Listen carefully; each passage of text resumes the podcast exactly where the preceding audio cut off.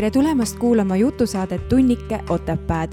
mina olen Kaidi Pajumaa. ja mina olen Merilin Kirbits. igas saates on uus külaline, kes on ühel või teisel viisil seotud Otepää vallaga. lisaks kajastame iganädalasi kohalikke uudiseid ja kultuurisündmusi.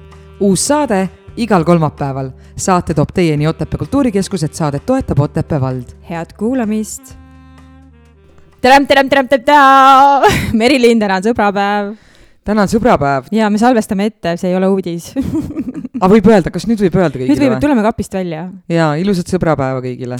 või valentinipäeva, kuidas keegi võtta soovib, aga tead, siiski jällegi see on üks nendest päevadest, mis mulle tegelikult nagu väga ei meeldi, selles mõttes, et ähm, ikkagi kurb päev inimestele, kes on üksikud, kui me räägime, noh, kellel ei ole sõpru jah, aga, aga mingi valentinipäev, just, et see nagu tuletab sulle väga tugevalt meelde, et sa oled üksinda mm. -hmm. ja, ja sellepärast ma mõtlengi, et see sõbrapäev kõlab nagu äh, tunduvalt paremini, sest no mõni sõber ikka kõigil on, ma arvan. ja no,, ja mina suhtes... olen ka enda väga hea sõber, sest kui ma enda sõber ei ole, siis äh, kes mul veel on? täpselt, kusjuures see ei ole üldse naljakas, sellepärast ma ei mäleta, kas ma ei naeragi praegu kas see oli neljapäev või reede, tellisin endale ühe toote internetist äh, sõbrapäevaks ma ei ole seda veel kätte saanud. kas see on see toode, mis mul on või? jah. sama mudel või? ei ole. võin sulle toote tutvustust teha üks päev kahekesi oleme või? aa, oi, meil on keegi veel. meil on oh,, tere kuulajad tere tulemast saatesse Tunnika Otepääd. me lubame, et selle naistega me jätkame mõnel teisel korral, kui me jälle kahekesi oleme tegelikult võiks täiesti eraldi naistele teha naistelt naistele. toote tutvustussaate. naistelt meestele jaa, teeme naistelt meestele. mida me naistelt meestele teeme? saate kuule, see läheb väga nagu, see siin sõbra, ühesõnaga ma natuke räägin teile taustinfot, et äh, meil on täna külas äh, meie mõlema, nii minu kui Merksi väga hea sõber. nii, oh kui äge sõbrapäeva puhul, eks ju et äh, meil ei ole üldse niisugune tavaline salvestamisenergia, sest kõik on kuidagi nii loomulik ja nii niisugune soe ja mõnus ja see sõbrapäev ise ka, et kuidagi on raske nagu saada reele. ja tee oli nii hea Tallinnast siia. jumal tänatud. siis, kui sa eile õhtul mulle kell kolmveerand üksteist kirjutad, hei, mitte midagi muud, siis ma mõtlesin, et nii, Merks, teed ei ole nii hullud, et ma olen kaksteist tundi Vana-Vigalas mööda jäiseid teid äh, traavinud, sest me käisime eile sõbraga auto orienteerumisel ja see oli väga-väga-väga äge, ma tõsiselt soovitan minna auto orienteerumisele, leida nagu küsimustele vastused. Ja need teed olid nagu päris ulmelised ja siis, kui Merks kirjutas mulle hei, tavaliselt ta kirjutab nagu tšau ja siis kohe teema ka, aga nüüd ta vist ootas mu vastust, et mis ma nagu ütlen selle peale, siis ma mõtlesin, Merks ütleb, et kuule, et ma ei tea, ma olen koroonas või teed on hullud või mul on kogu aeg midagi viga, jah? ei ole, ei ole, lihtsalt ma mõtlesin. ma tegelikult kontrollisin, kas sa magad, sest ma tean, et sa lähed lihtsalt varem magama kui ja. mina, et ma ei hakka kirjutama sinna midagi, kui nagu ja. sa magad, mis ma ja. kirjutan. aga eile, eile jah, ma jõudsin hilja koju ja siis ma olin veel üleval, aga tõesti jah, ma tavaliselt olen kuskil niisugune kümme pool üksteist juba voodis. no just. Tunnen sind. no vot, muidugi tunned, aasta on juba mööda, kuule, meil on endal aastapäev, meie suhte aastapäev, Merks on või? veebruaris ju on, sa võtsid veebruaris, eelmine aasta veebruar Merilin kirjutas või helistas mulle, ma ei mäleta kumb, ja kutsus mind Unustamatu ööbiku villa äh, lavastusse ühte rolli täitma. ja seal me kohtusime. seal me, tegelikult me kohtusime kunagi varem ka, aga ka seal sai meie ilus äh, suhe alguse. just, sõprussuhe Sõpr. lihtsalt täpsustan igaks juhuks. jah. aga meil on kolmas sõprussuhe ka siin, kellega jaa, tõesti. oli minul tugevam suhe mõni aasta ja siis tulid sina ja võtsid selle suhte üle mm. -hmm. ja ma ei tunne ennast üldse süüdi. ei, sest mina sest... andsin selle suhte sulle üle sest ma oskan jagada oma sõpru, ma olen väga-väga mõistlik aga sul on mingi tutvustus ka võib juba nagu mainida või mm? -hmm. meie tänane külaline ütleb enda kohta nii. olen kogu oma teadliku elu elanud Otepääl. ema piimaga kaasa saadud muusikaarmastus kumab isegi täna minu tegemistes. annan endast parimat, olla hea ema oma lastele, armastav abikaasa oma mehele, hooliv tütar ning hoolitsev õde. usalduslik meeskonnamängija oma töökaaslastele ning külalislahke võõrustaja külalistele Otepää kultuurimajas. ma arvan, et tegelikult ei vaja see see inimene üldse pikemat tutvustust, ühesõnaga tere tulemast saatesse, Merle Soonberg. tere nii palju, tere sõber, kuidas siis täna, palju sul sõbra sõnumeid juba tulnud on? sõnumeid mitte ühtegi, mees helistas, soovis sõbrapäeva ja siis olete teie järgmised. nii armas. sul on ka need sõbrad, kes magavad kaua ja? jaa, jaa. noh te,, tegelikult on nagu veits äh, äh, veider olla nagu äh,, kuna me teame Merlet päris palju, aga samas ma mõtlen, et kui me peaaegu kolm aastat koos töötasime, siis me tegime ainult tööd, et kindlasti tekib täna mingisuguseid teemasid, mida me tegelikult võib-olla ei jõudnud äh, üldse omavahel puudutada või äh, rääkida. Kuigi meil oli ka selliseid hetki, kus me tegelikult väga avameelselt rääkisime, näiteks sündmust ette valmistades või kaunistades ja siis ikka tekkis selliseid kus sai rääkida ja lobiseda. ja mina tunnen ka, et me oleme Merlega ikka päris palju niimoodi teineteisel pool lauda oma südameid äh, avanud, et võib-olla mina isegi rohkem kui tema, sest ma olen lihtsalt sellise väga avatud loomuga. ega need teemad ei kannata eetrit ette, võib-olla need teemad, mis nagu aga võib-olla on Otepää vallas inimesi kes meid kuulavad ja kes võib-olla üldse ei tea sinust mitte muhvigi. oi. võib ju olla, täiesti. selle sõna peale oi. muhvigi või? muhvigi. Mis, mis see nagu sõna naksitrallides. ei, muhv. mulle see ja. sõna meeldib mm. -hmm. meeldib, on ju? aga võib-olla jah, et alustame päris algusest, et äh, kuidas möödus sinu lapsepõlv, kuidas sinust sai see, kes sa oled täna? no nagu ma vaata tutvustuses kirjutasin, siis emapiimaga on see muusikaarmastus ja kultuur ja kõik selline asi juba kaasa, kaasa nagu sündinud ja eks ta ongi musikaalses peres ma üles kasvasin, loomulik käik oli muusikakool, Otepää gümnaasium, lapsepõlv oli loomade sees päris, päris titena, nii et peale küm- või selle üheksanda klassi lõppu siis äh, tegin aasta pausi, võtsin aega enda jaoks. peale üheksandat klassi? jah tegelikult oli põhjus selles, et äh, ma tahtsin minna edasi äh, Tartusse Elleri muusikakooli mm -hmm. ja kuna minu see äh, muusikakool lõppes see seitsmendal aastal, siis, siis oligi niimoodi, et äh, võtsin kaks lisaaastat muusikakoolis, aga kui ma läksin peale üheksanda klassi lõppu, läksin katsetele, siis esimene aasta siis öeldi, et ja et äh, mänguline pool on väga hea, aga tehniline pool nõrk, et me vastu ei võta, et arendage tehnilist poolt. ja siis järg-, see järgnev aasta siis ma arendasin oma tehnilist poolt ja mängulise poole jätsin jätsin nagu siis äh, tahaplaanile, siis, siis mind jälle ei võetud vastu, siis tekkiski see lisaaasta, kus ma harjutasin oma tehnilist poolt ja mitte mängulist poolt. aga kas sul oli keegi, kes sind äh, juhendas ka sellel aastal, kui sa seda tehnilist poolt õppisid, kus sa oskasid ikka, seda? ikka, Otepää muusikakoolis oli ju mul õpetaja Merike Roop ju, kelle käe all ma õppisin. ja mida sa siis äh, mängisid? Akordionit. kas sa oled seda kogu aeg äh... minul on lapsest saadik olnud akordion süles. aga sa klaverit ja muud äh, ikkagi muusikakoolis on ju? nagu ikka mm, -hmm. lisapillid ja kõik sellised mm -hmm. laulmised ja ikka ansamblid ja orkestrid ja mis seal kõik olid. kas sa mäletad ka seda hetke oma elus, kui sa tundsid, et muusika on sinu tee? Et ma saan aru, et, et väga paljude muusikutega, kellega ma olen rääkinud või ka näitlejatega, et, et kui nad vanemad juba tegelesid ja vanavanemad tegelesid, et, et siis see on kuidagi nagu loomulik elu osa. aga, aga võib-olla sa nagu äh, mäletad seda, seda tunnet või hetke, et oh, see on ka see, millega ma tahaksin tegeleda jah, mäletan ja teate, kuna see oli või? siis, kui mul olid lapsed ära sündinud ja ma läksin Viljandi Kultuuriakadeemiasse õppima pärimusmuusikat ja see oli, ma olin siis kahekümne kahe aastane alles siis. kuigi ma pean ütlema seda, et mulle väiksena, kuna ma olen muusika sees kasvanud, siis tegelikult mulle ei meeldinud muusikakoolis kuni üleminekueksamini. see on kolmas klass, oli siis äh, muusikakooli kolmandas klassis. ema ütles, tead, sa käid selle kolmanda klassi lõpuni ja siis vaatad üle, et kas tahad minna või ei taha. noh muidugi ma tahtsin sügisel juba ise minna sinna kooli ja siis võtsin ju kaks lisaaastat ka veel, et et äh, see on ka jälle üks mingi märgiline see üleminekuaeg, eks see on pubekas ja kõik, mis mm -hmm. mängivad rolli. aga teadlikult, et muusika on üks minu suundadest, tuligi siis, kui äh, ma läksin Viljandisse õppima pärimusmuusikat. aga kuidas sul käis siis, et ühel päeval klikk ja läksid sinna kooli õppima? jah. aga kaks last oli sündinud? kaks last oli sündinud. kuidas last, sul olid väiksed lapsed siis, kui sa koolis käisid või? Heidi oli äh, noorem tüt-, noh, noorem laps siis oli, issand, aasta ja veidike peale, ta hakkas kaheaastaseks saama.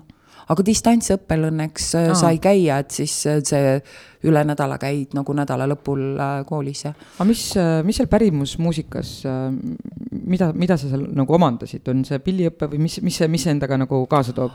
Issand, kui lahe oli see, et äh, kuna mina olen kapelli nagu äh, ütleme siis selles suhtes, et meil on ju olnud kapellid või noh, sellised küla, külaorkestri äh, taust on nagu minul. Ja tead, kui läksid sinna kooli Viljandisse ma nutsin pea pool aastat äh, iga nagu, iga, peale igat tundi, sellepärast et mulle tundus, et seal öeldi, et no ma oleks nagu kogu aeg kõike valesti teinud mm. et noh, et ikka noodist ei mängita ja no selline nagu tohutu ümberõppimine.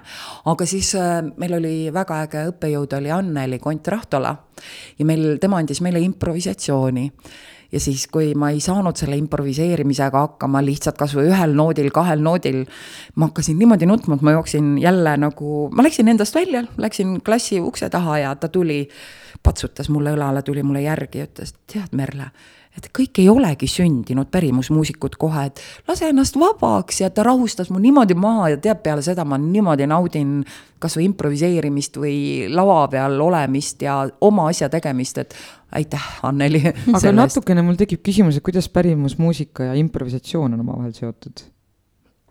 et kuidas, kui ta ütles, et, äh, et kõik ei ole sündinud pärimusmuusikuks, et kuidas see improvisatsioon sellega nagu või see oli lihtsalt äh, Ah, sa, sa mõtled seda, et improvisatsioon ja siis pärimusmuusikas, kuidas need nagu kui, kokku käivad või? no vaata, no on, võtame ühe laululoo. noh, sa võid ju mängida see kaheksateist salmi seda ühte ja sama viisi mm. -hmm aga improvisatsioon on ka see, et kui sa laulad seda viisi, aga pilliga sa mängid ju midagi muud sinna, kas harmooniat või mingeid muid noote või teist häält, juba see on improviseerimine. et veidikene rikastada seda üksluiset regilaulu viit. noh, et me oskaksime nagu äh, lihtsalt leida teisi viise nagu selle loo ilmestamiseks, see on mm -hmm. improvisatsioon, mis pärimusmuusikast tuleb ja see on see. kas sa mm -hmm. praegusel hetkel ka improviseerid? Või sa tunned ainult õhtut juhtides aga kui palju sa, me tegelikult kindlasti läheme teemadega ette ja taha ja, ja mis iganes, aga noh, kui palju sa praegu üldse pilli mängida saad? häbematult suge... vähe, ütlen ausalt, tegelikult nii vähe. ma nautisin äh, seda aega, kui äh, meil oli talvine tantsupidu tulemas ja Margit palus, et kuule, et tema bänd ju tegi äh, tausta või saatemuusika mm, -hmm. tantsumuusika. Merle, tule mängi mulle need osad sisse tule, kuule, tule ole ja ole seal ja tee mulle seda ja ma nautisin seda aega, ma sain pilli selga võtta ja vutt-vutt-vutt-vutt stuudiosse ja mängida ja mängida, see oli äge. kas, kas pillimänguga on ju ka see, et seda peab tegelikult iga päev harjutama, et äh, meister olla nii-öelda, et? jaa, see tõsi on, kuigi ma naeran endal seda, et ju siis muusikakooli ja siis see päri-, Viljandi Akadeemia, see kool on, lihasmälus on veel nii tugevalt sees et äh, jah, et äh, sa lihtsamad asjad saab hakkama, aga kui on, vaatad, et mõtleks, et teeks nüüd sinna mingid sellised käigud ja et üleminekutega ja siis tekib küll see moment, et stopp ja siis lähed harjutad seda käiku jupp aega ennem ära ja siis lähed uuesti nagu seda tegema, mängima, et jah, ta, ta vajab tegelikult igapäevast harjutamist, aga mul ei ole olnud. Ei taha ka peale tööd või kuidagi tahad selline, tõmbaks niimoodi pea kõrvade vahele ja oleks niisama. aga miks akordion? sellepärast, et äh, meil suguvõsa ansamblis oli vaja akordionimängijaid mm. -hmm. muidugi Kannel. isegi valikut ei antud, vaata nii kui sündis, nii viiul ei, nojah, selles suhtes, et akordionimängija, see on põhiviis, sellega saab ju tegelikult absoluutselt ju kõik ära, seal on saade, seal on põhiviis ja lahe.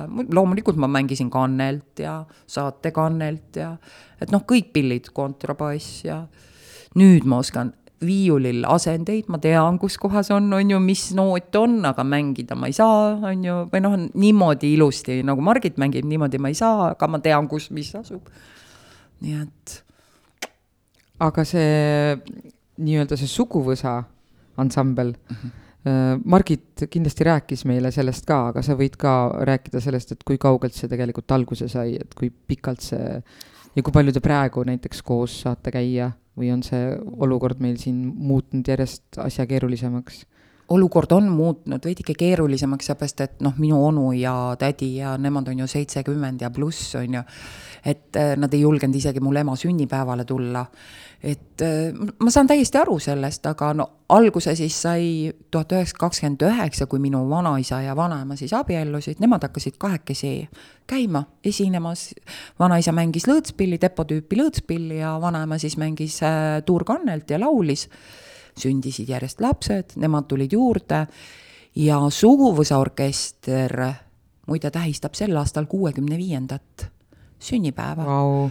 et äh, siis olid seda on juba Eestis jaa. vist ikkagi väga vähe ju. Kas seda üldse, kas, no ma tean, et üks, üks on veel, on see Tartumaal on Vaherite suguvõsa mm -hmm. orkester, nemad ka on suht hea, noh, sellised vanuselised eakad juba. aga et jah, et öö, järjepidevalt kuuskümmend viis aastat on jah niimoodi mängitud.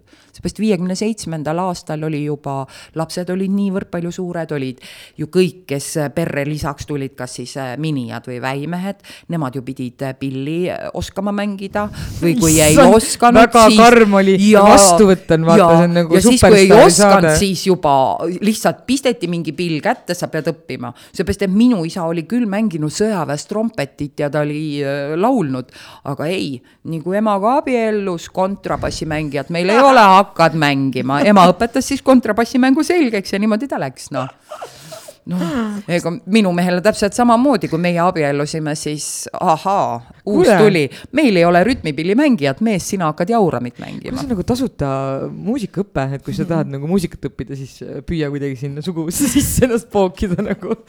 aga ei, sellel Merlel noored lapsed kasvavad, nii et äh, kõrva taha pange see mõte. sul on ju ja lapsed, kui nemad sündisid, kas äh, nii, nüüd tuli, viiulit on vaja, kas panite paika, et äh, aa, ei lastega küll, vaata, kuna mina, minul oli see, ju siis oli see, et äh, kuna mind nagu sunniti vastu tahtmist mm -hmm. nagu, mitte ei sunnitud, aga no lihtsalt pandi nagu, ei küsitud arvamust. No klassika tegelikult ikkagi, noh. siis mina oma lastel äh, sellist asja ei olnud. mul poiss oli, mina nagu oma lastega ei teinud, et po- poiss, kuna vanaisa mängis äh, aeg-ajalt mängis trompetit, tal oli ilma huulikuta trompet kodus ja kui ta kuskilt huuliku sai, siis ta vahepeal puhkus. siis poiss läks mul muusikakooli, tahtis väga minna, õppis trompetit kaks nädalat mm.. ma küs-, ta ise nagu ütles, et noh, miks sa siis enam ei, ei taha minna. ütles, et õpetaja sunnib harjutama mm.. ja sinna see jäigi, aga mul oli ju karupojad siis juba mm -hmm. ja karupoegadele tuli lisaks seal mõmmid ja igasugused musakarud ja sellised et tegemist ei ole looma, loomariigi äh, kogumiga, vaid millega siis tegu oli, äkki keegi ei tea? rahvamuusikud, noorte rahvamuusikute rahvamuusikaansambel Karupojad olid. tead, mina ei imesta, kui isegi mina olen seal baaris proovis käinud. kas ma ei hoidnud mingit jauramit või midagi, ma ei üldse ei imesta. arvata võib ma. käisin seltskonna pärast äkki, ma ei usu, mind ei, ilmselt ei oleks, mina suguvõssa ei saanud. ja aga siis oligi see, et äh, ka, meil oli ka ju, eks kontrabassimängijaid oli vähe ja poisile marudalt see kontrabass meeldis, aga kontrabass on ju suur ju, enda minust on ta veidikene kõrgem, siis ei olnud midagi, võttis tooli, tool läks kontrabassi kõrvale ja hakkas niimoodi mängima, nii et tema hakkas seitsmeaastaselt mängima kontrabassi, kaks nädalat muusikakooli haridust, nagu tal oli, kuulmise järgi õppis ära. Aga Heidi viiuli armastus äh, tuli Margitist mm., sest Margit mängis, ega mul la- lapsed ju olid kogu aeg kaasas ju igal mm. pool, kus me käisime. ja siis eks ta siis vaatas, et Margit mängib nii hästi ja tema ka. mis, mis muusika sulle annab, miks sa tegeled muusikaga? eks ta tegelikult jälle Beethoveni pikk paus.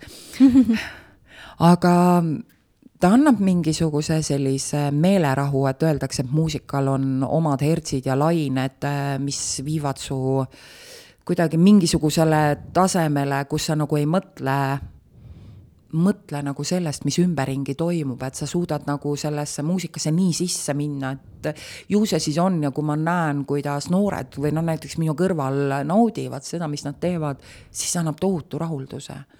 see on nagu meditatsioon mingil määral sinu see jaoks? on nagu meditatsioon ja samas on ka see, et kui sa kuuled kuskilt mingit ägedat lugu ja sa kuulad seda, kuulad seda ja sa tahaksid seda nagu ise kogu aeg nagu mängida või kuidagi nagu tahad ka selle endale nagu sisse sööta või nagu lainele minna. seepärast äh, ja kandlemänguga muide täpselt samamoodi, kui sa võtadki endale selle väikese kandle sülle ja sa lihtsalt näpid nagu neid erinevaid keeli ja sellest tekib, see on nagu improvisatsioon, tekib nagu mingisugune sünergia mm. -hmm. ja öeldakse, et nendele, kellel on, kes on läbi põdenud insuldi et äh, kandlemängu need hertsid ja need lained aitavad nagu insuldist paremini välja tulla. Mm.. et et meil siin, kui Heino Mägi oli, sai oma esimese insuldi, siis, siis tal see pojapoeg käis kannelt mängimas niimoodi ja et, et see on nagu, see annab nagu ikkagi mingisuguse sellise, see on jah, nagu meditatsioon ja annab nagu mingisuguse hingerahu või sellise teistsuguse laine. Aga lisaks sellele, et sa muusik oled, oled sa ka dirigent, et äh, räägime sellest, kuidas sa selleni jõudsid.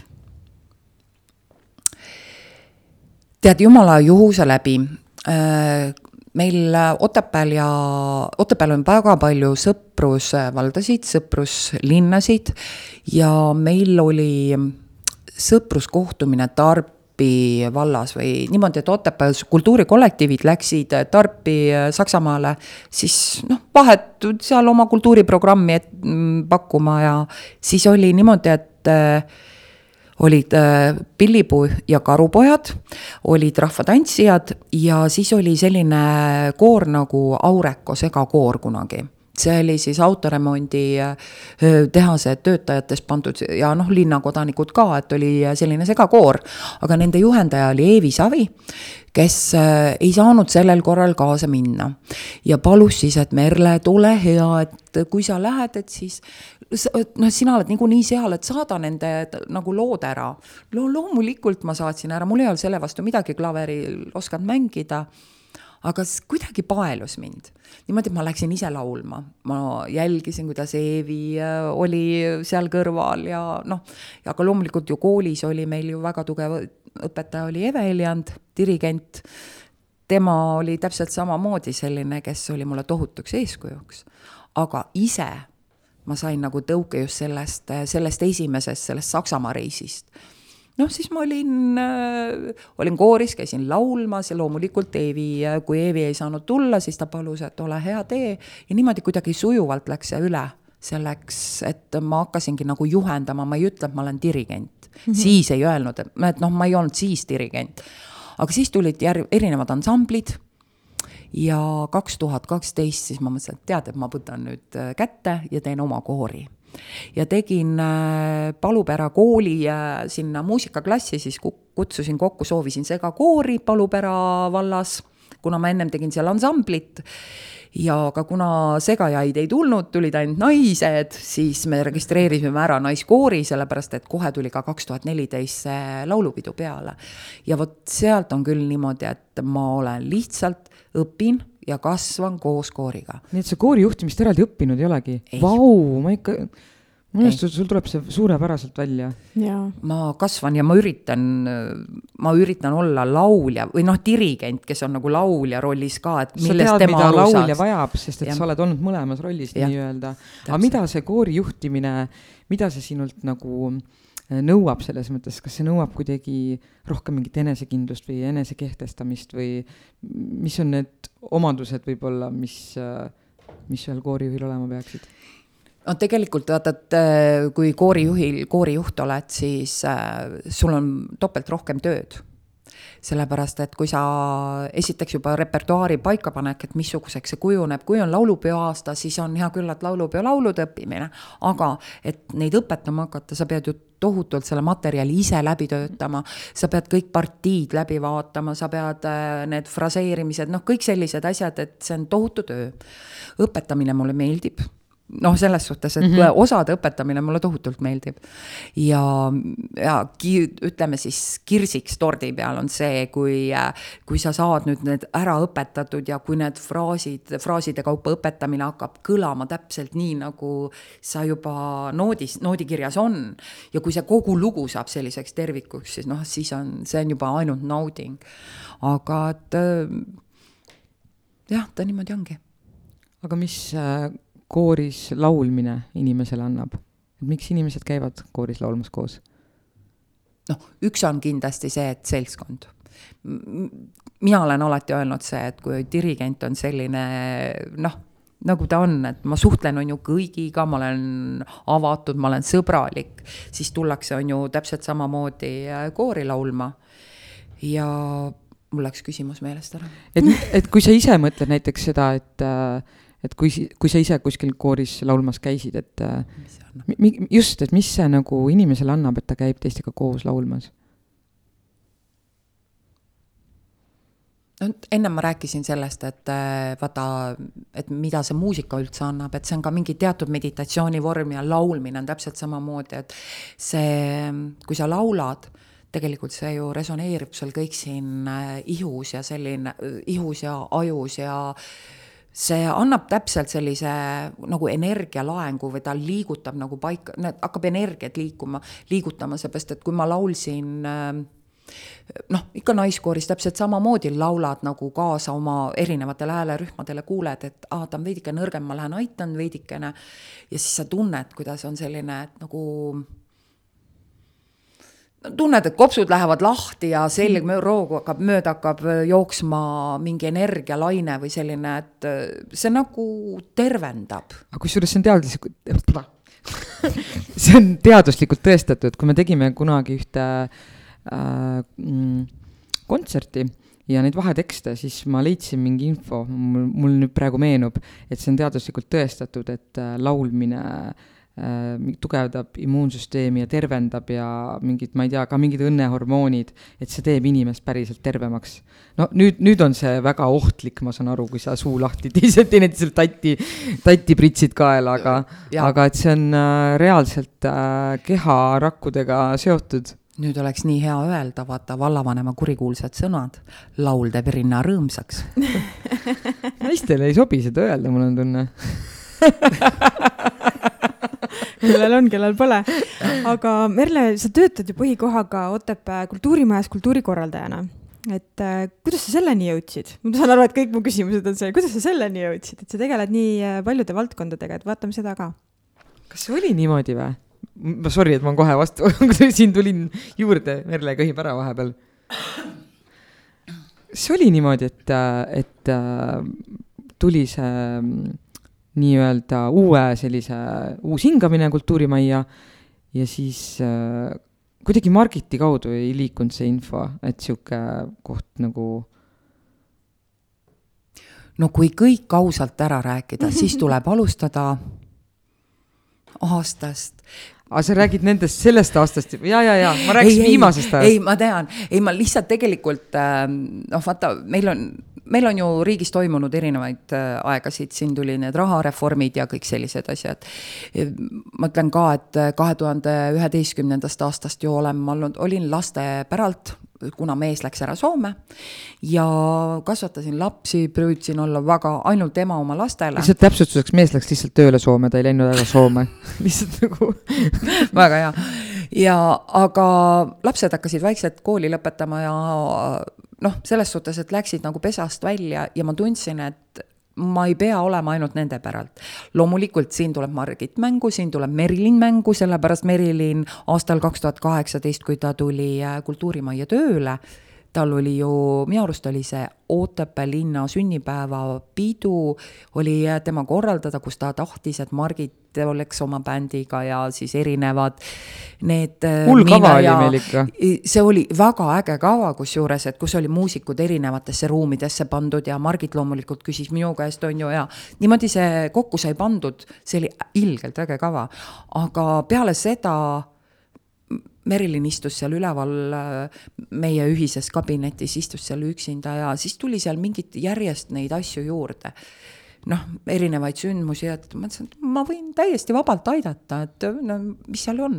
ja siis tuli üks hetk teade, tegelikult vist ütles Jorma, et tead, et kohe, et me paneme selle kandideerimise, et on vaja. me ikkagi nagu... soovitasime sul, soovisime, et sa kandideeriks. jaa, et ka. soovis, et kandideeriks, et noh, tuli töökoht põhimõtteliselt avanes, vabanes ja no midagi, siis nende soovitusel ma siis kandideerisin, nii et ja siia, sinna ma sain. et üks, üks tegelikult selline põhimõte meil oli alguses, et see inimene tunneb kohalikku kogukonda ja teab seda ajalugu ja tal on sellega nagu sihuke tugev kontakt ja ja sellepärast see oli Merle ideaalne ja sa ei teinud ju midagi, sa olid kodus ju ja ma olin kodus jah, ja ma olin kodune jah. nagu täpselt. ideaalne nagu, et sa see, saad kohe appi tulla. aga vaata. see ongi vaata ajastus nagu sinul oli ju, et sa täpselt samamoodi otsisid endale ju uut või, või nagu sul ka ei olnud ju seda. sa olid ka kodus ju. sa olid ka kodune ju. ma olin vabakutseline no, jah. vabakutseline. ehk, ja, ehk mina kodu. ütlen enda kohta, ma olen vabakutseline ehk töötu jah. teen aga, siis tööd, kui saan. jaa, aga mul ongi nagu tunne, et kui aeg on küps, siis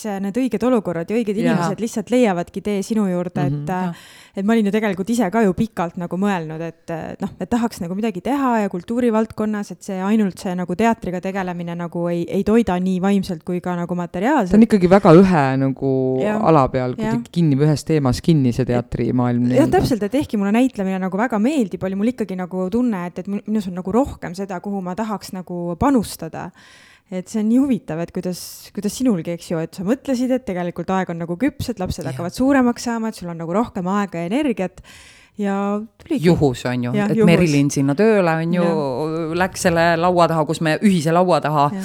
et neid et... juhuseid ei ole ikka olemas, et ma ikka ja jälle nagu tõden seda, et kõik on ikka, ikka mingi plaan on olemas, mul on tunne. ja, ja seda iga päevaga ma veendun järjest rohkem, et äh, kellelgi on see plaan käes ja siis, kui ta näeb äh, või kuuleb mm., kui ma ütlen välja midagi, mida ma ei taha teha või tahan teha, siis mm -hmm. ta mhm. naerab, sest et öeldakse ju, et jumal naerab, kui sa mm -hmm. ise plaane teed nagu.. Ja, ja, ja siis viskab kaardi ja segab kõik laiali ja, ja, ja. aga noh, tänasel hetkel mina näiteks ei kujutaks ette, et ma Otepääl ei töötaks, et kui, mis kogukonnaga ma olen tuttavaks saanud, mis inimestega ma olen tuttavaks saanud, et kes on nagu täna igapäevaselt minu elus kes kui kähku see käis tegelikult, nagu kes, see oli nagu sihuke keeristorm lihtsalt jah, nagu. et nagu ma, ma isegi, ma olen ikka vahepeal mõelnud kodus, et äh, mida ma nagu enne tegin, kellega ma nagu enne suhtlesin. kes ma ennem olin. aga minu süda on ikka väga rahul, kui ma näen nagu, mis, äh, mis meeskond siin on ja ma tean ka, et ma võin tulla mingisuguse haige ideega ja nagu näpud on püsti, davai, teeme nagu mm. -hmm. mulle meeldib, mulle tegelikult äh, Meriliniga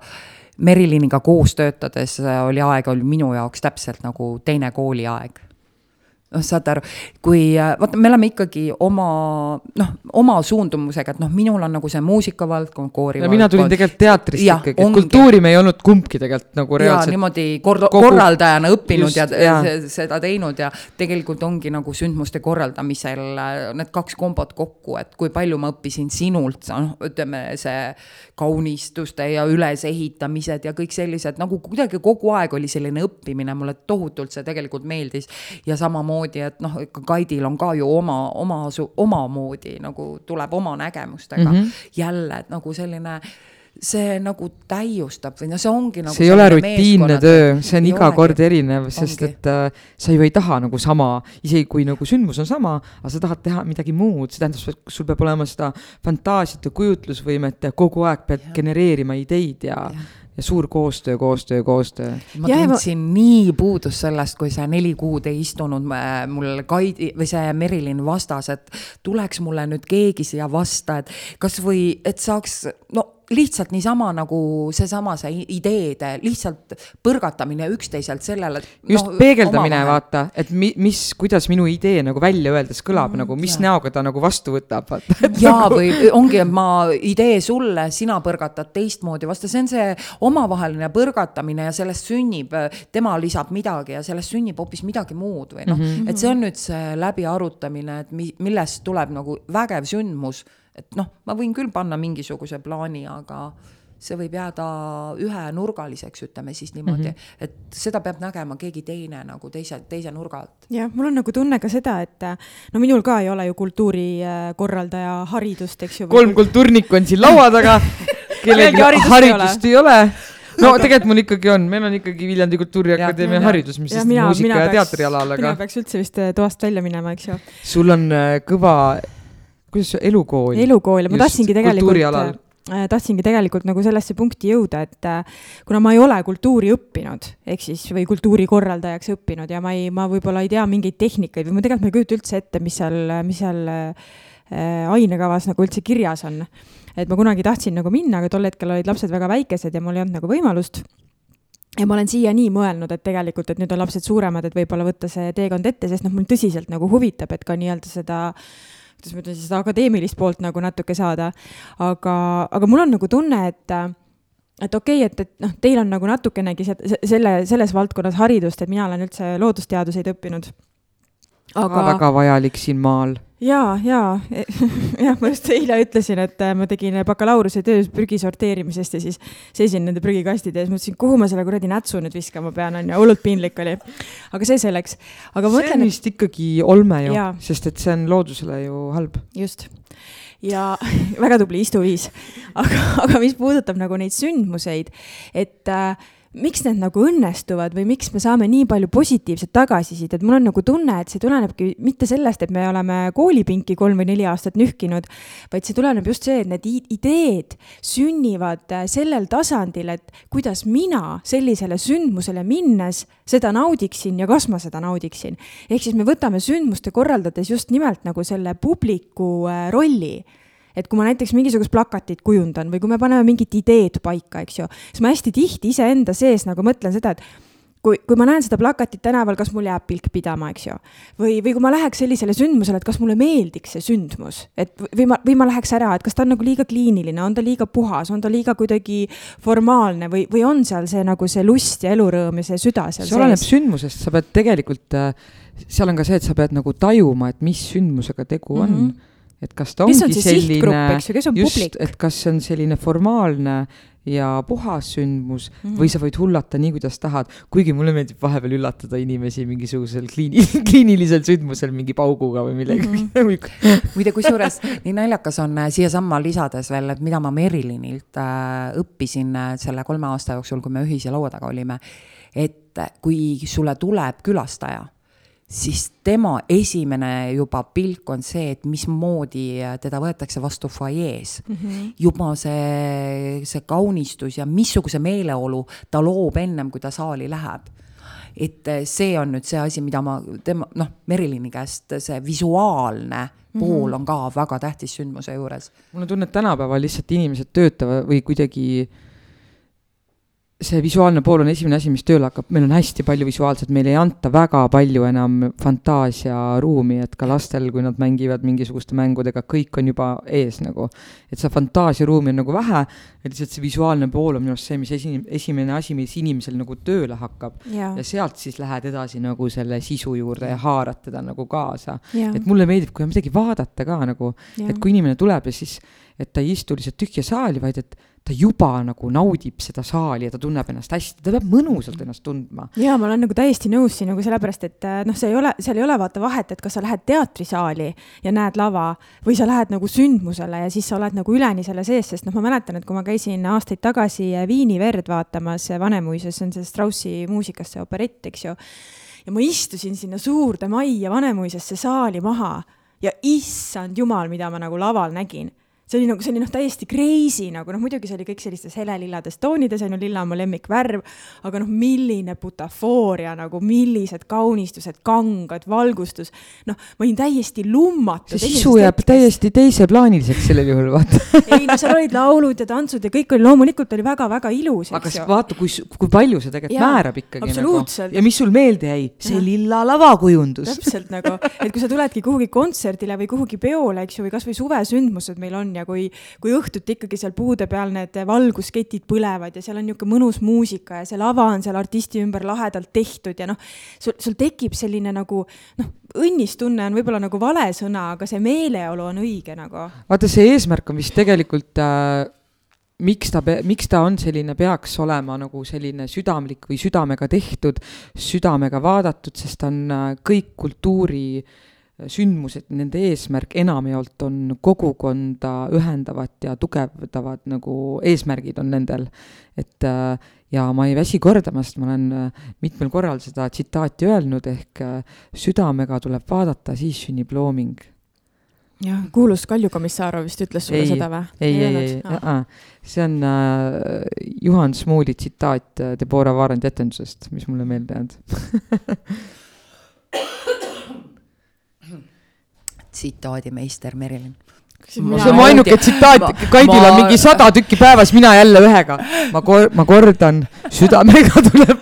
mina ikka ilgelt naeran ja ma olen ilge tsitaadimutt, et ma väga-väga palju loen, ma hästi palju nagu jälgin mm -hmm. Instagramis neid tsitaate, et see kuidagi, see nii äh, täidab mind. nii kuidagi. tore, vähemalt keegi veel loeb. jaa. kus sa, millal sa teed seda, mille, mille vahel jaa, sa teed? mina tahan ka teada ma ei tea, ma ikka leian need hetked, näiteks nädalavahetusel ka hakkasin nädala algus, nädalavahetuse alguses lugema eh, nii paksu, ma arvan, seal on mingi viissada lehekülge raamatut ja mul on see praktiliselt läbi loetud, sest see oli lihtsalt nii eh, nagu kütkestav. jube, jube mõnus, mulle, mulle väga meeldib tegelikult lugeda. tore mina, mina olen pannud tähele seda, et kui äh, ma lähen ja võtan raamatu kätte, siis ma jõuan esimese lehekülje poole peale ja siis ma magan juba. mul on sama probleem. ja aga mina, minul on näiteks, äh, kui te nüüd küsiksite, et kuidas mina oma näiteks äh, päevapingeid maha rahustan äh,. ma tahtsin just küsida, et kuidas sa oma sul on selline päris stressirohke töö, tegelikult ikkagi vastutus on suur, et kuidas sa päevapingeid maha laed nagu see oli Merilin, väga meeldiv küsimus, aitäh. ma ootasin seda tund aega. Ma, ma vastan väga meeleldi, ma lähen koju, istun voodi peale ja hakkan kuduma. Uh sa oled väga mitmekülgne, sul on väga palju tegevusi, mida sulle meeldib ju veel teha, ma tean, sa oled ju aianduse huviline. igasugune potipõllundus on, ma nägin täna lillepoes seemneid, mõtlesin nii, mingi Merlel on raudselt juba esimesed seemned kirja Merle pandud. pani juba kolmandal veebruaril maha esimesed seemned kuule, sellega, sellega seoses meenub, et meil peaks need tulbid nüüd tärkama hakkama varsti ja mis sa sügisel mulda panid. sügisel ma ju kaunist panin äh, kevadlilledest ju äh, parki, meil Kultuurimaja parki ju Perve kaunistasin kõik ära. kultuurikeskuste logo jah äh,, panin lahe. sinna selle kõige ma loodan, et see tuleb kohta. välja, et mingisugused mügrid ja need ei ole seal all teinud näks, näks, näks. ei ole, sellepärast et vaata, kolm kevadet olen juba näinud, et mm -hmm. ei ühtegi mügri seal ei ole. aga jah, seal on tõesti värvikive, kirev ja erinevate kõrgustega ja et ma lahe, üritasin äge. teha, jah. aga ma küsin nii, nagu ma ei teaks, et äh, oled sa kuidagi aiandust õppinud ka kuskil midagi? see on äh, nii, see on tegelikult nii armas, et sa küsisid, sellepärast et sinna ma tahtsin. jälle hea küsimus sinna ma tahtsin juba, eh, juba jupp aega tagasi jõuda, et eh, ma olen alati, eh, keegi küsib, et noh, mis haridus sul on, siis ma ütlen, et ma olen laia profiiliga ämmaemand keevitaja. et no mida see tähendab, seepärast, et peale üheksanda lõppu, üheksanda klassi lõpetamist, mul oli see üks aasta pausi, ma ju läksin Põltsamaa kutse ja kutsekooli õppima ju kodumajandust. ja seal on. mis siis... asi on kodumajandus, sorry? kodumajandus on, nüüd hakkangi lugema okay., kus sa pead õppima kõike seda, millega tuleb kodu, talukodus või kodutalus Aa. nagu hakkama saada mm. -hmm. loomapidamine, mesindus, iluaiandus, puuviljandus, laste kasvatamine, söögi tegemine, käsitöö, absoluutselt selle. jah, ma olen sealt saanud kokapaberid, et mul on nagu, seal sai nagu äh,, kuidas on see eriala endale valida, et missuguse suundumusega on, minul on kokapaberid. ma olen töötanud kolm kuud ka kokana Pühajärve restoranis. aga et äh, siis ongi kuule. Merle teeb väga hästi süüa, ma pean siinkohal ütlema. ma tean, mul lihtsalt tuli meelde, kas sa oma mehega kohtusid köögis või? mul oli mees oli tegelikult ei olnud nii või? Mees oli see... ettekandja. või et kelner, baarmen, kelner. koll läksid, see, et sa sellele kolme kuu, kolm kuu, kolmeks kuuks sellele tööle läksid, sa kohtusid tegelikult oma tulevase mehega?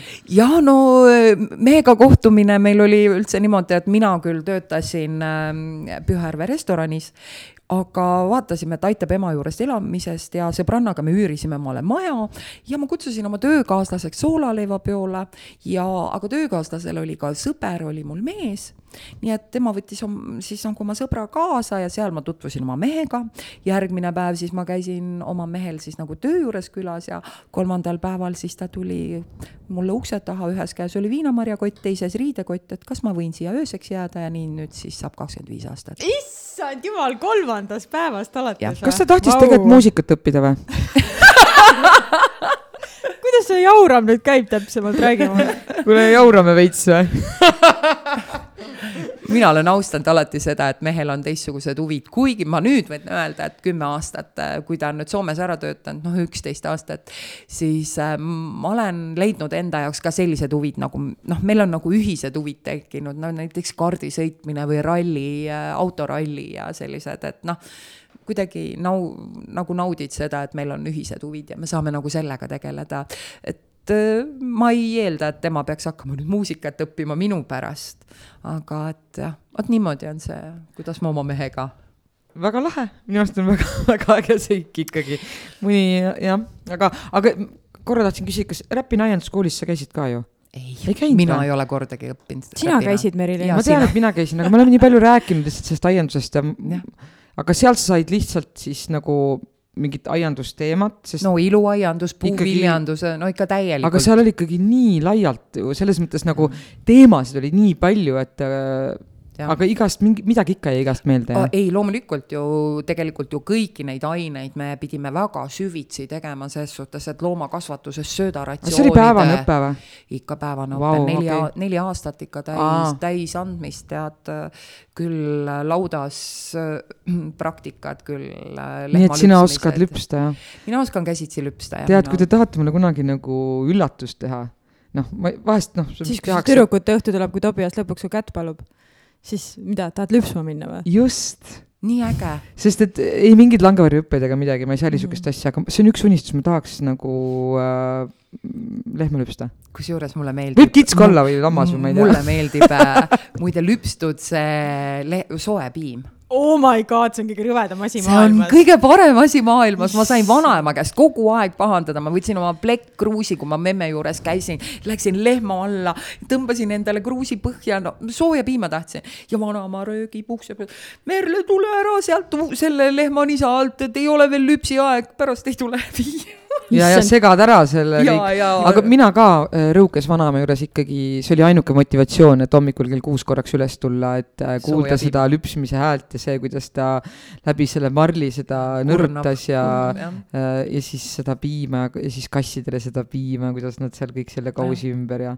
jah, kui mina nagu, kui mina sain. mõnus sihuke virtshais ninas ja sihuke kana, kana-kaka varba vahel, vot see on sihuke õige maalapse, lapsepõlv nagu. see on nii tore, et me kõik oleme seda kogenud, et minu vanem vanavanemad, vanavanemad elasid äh, Sännas, nii et üsna, üsna samas kandis. aga mina sain alati pähe selle eest, et ma ei olnud nõus sööma, jooma seda sooja piima, et minu jaoks oli see jah, õudne seda ma ei suutnud. aga tead, Merle, ma, ma olen nagu pikka aega mõelnud, kuidas ma, või noh, täna just selle saate jooksul, et, et kuidas seda küsimust formuleerida, aga ma hakkan lihtsalt ühest otsast pihta, et sa vast saad mõttest aru ehm, kui minu vanemad äh, käisid nüüd seda Valgamaa tantsupidu vaatamas ja siis äh, talvepealinna pidustustel ja, ja seda öölaulupidu vaatasid äh, äh, telekast. ja ema küsis mu käest nagu, kuna lapsed olid maal tol päeval ja, ja küsis mu käest, et issand, et noh, no nii hea on seda Merlet seal telekast vaadata, et ta nii soe inimene, et kuidagi kohe selline tunne, et astuks ligi ja tahaks kohe kallistada ja siis ma hakkasin nagu mõtlema, et, et on jah nii, et ma mäletan, kui ma, ma ei mäleta, issand, juuni, üheksas juuni või millal mul see esimene tööpäev oli, ma tundsin nagu esimesest hetkest, et ma olen vastu võetud, et mul ei olnud nagu kordagi sellist pinget, et ma ei tunne sind või on võõras või kuidagi selline, et äh, kas sa, kas sa tunned, et kas selline niisugune nagu soojus ja avatus on sinuga alati olnud või see on kuidagi tekkinud nagu elukogemusega, et mõni inimene kohe on niisugune hästi soe ja mõnna milline sina oled? saad aru, mis ma mõtlen või? ja ma, ei, ma saan aru, äh, mida sa mõtled. Äh, noh, ma nüüd alustan jälle täpselt nagu sina, suure ringiga mm. -hmm et äh, mina olin ju äh, oma, kui ma olin põhikoolis siin, siis ma olin tegelikult ju äh, suur koos, koolikiusamise ohver mm.. Ja mina nagu sain, mitte ei saanud üle või kuidas seda öeldakse, aga kui ma vahetasin kooli, Äh, ma läksin Põltsamaale õppima, siis ma tundsin, et äh, see on nagu uus lehekülg ja ma saan nagu alustada täiesti nagu uuesti selles suhtes, et keegi ei tunne mind ja ma saangi olla nüüd see, kes ma olen nagu tegelikult. ja juba koolis ma sain aru, et äh, kui mina naeratan, naeratatakse mulle vastu.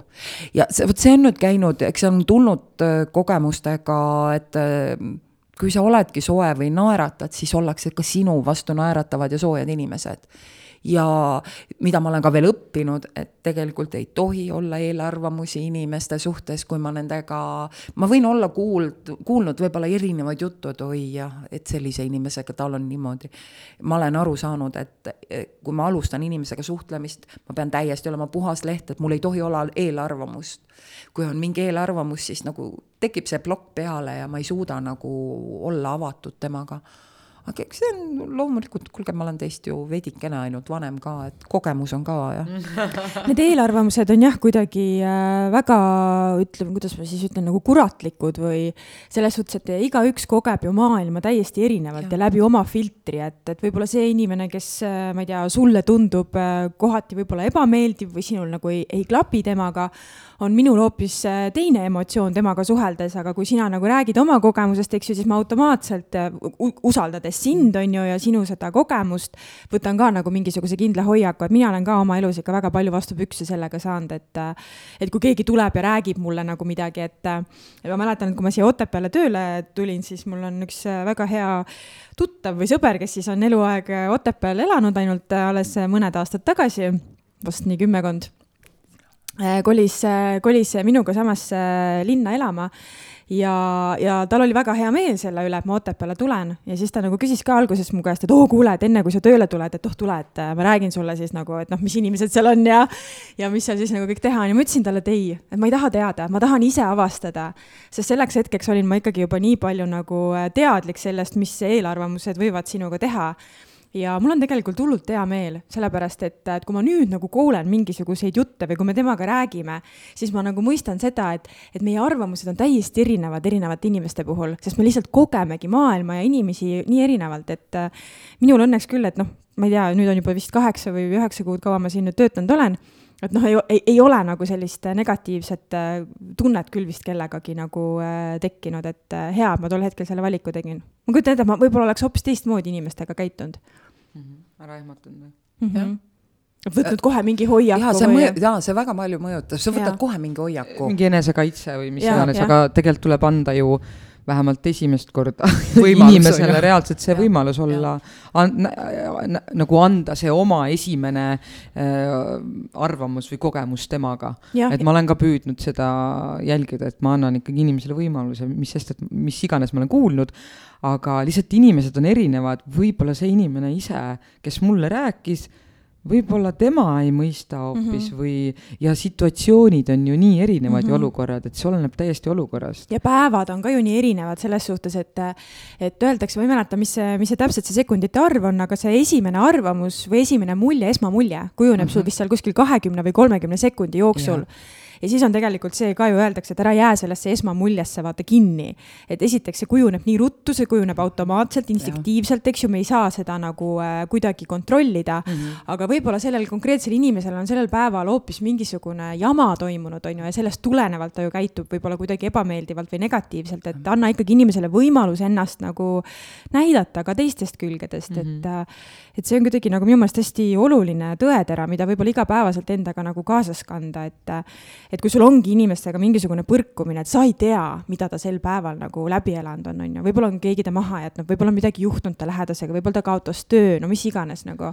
me võtame lihtsalt kogu aeg kõike nii isiklikult ja, ja see teineteise mõistmine jääb tihtipeale nagu kõrvale või me ei ole nagu empaatilised, me mm -hmm. kuidagi aga ma saan aru, inimesed kaitsevad ennast lihtsalt, see on selline kaitserefleks ikkagi. aga tead, mõneti on see ka võib-olla nagu ene-, enesekeskne ellusuhtumine ka, et me tihtipeale ei näe iseenda nina otsast nagu väga palju kaugemale. ega kuidagi... me tegelikult isegi ei näe ju, kuidas näe, meie täpselt. mingil päeval nagu meil en-, mis, mis, mis meid ennast on nagu mhm. mõjutanud mm -hmm. ja kuidas meie ise ja võib-olla kui keegi näitaks mulle videot sellest eilsest päevast mm -hmm. ja ma vaataks, oh, see ei ole mina ju mm, -hmm. appi, aga tegelikult võib-olla ma elasin midagi läbi, et me nagu mm -hmm. rohkem mõistmist lihtsalt. ja, ja see on ka, see on ka üks enesearengu teekond, eks ju, et sa ikkagi kogu aeg nagu teadvustad seda, et kes sa oled ja millega sa tegeled ja millisena sa nagu inimestele näid, et muidugi meil on nagu miljon üks emotsiooni erinevates minutites läbi jooksmas ja vahepeal jääb meil kuskil tagakuklas mingisugune emotsioon nagu äh, käivituma või nagu äh, tööle, mida me ise tegelikult ei adugi, millest äh, tulenevalt me võib-olla käitume mingil päeval nagu väga nõmedalt.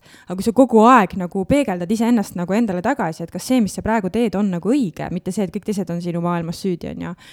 et see on minu meelest nagu väga hea praktika, vähemalt mina nagu küll kasutan seda. aga Merle ähm,. jah, Merle. kui sa, kõik, mis sa oled elus kogenud, äh, tundnud, kas sa tunned, kuidas sa tunned praegu, et äh, kas sa oled õnnelik ja kas sa tunned, et sa oled õiges kohas? kas sa tunned ennast nagu hästi?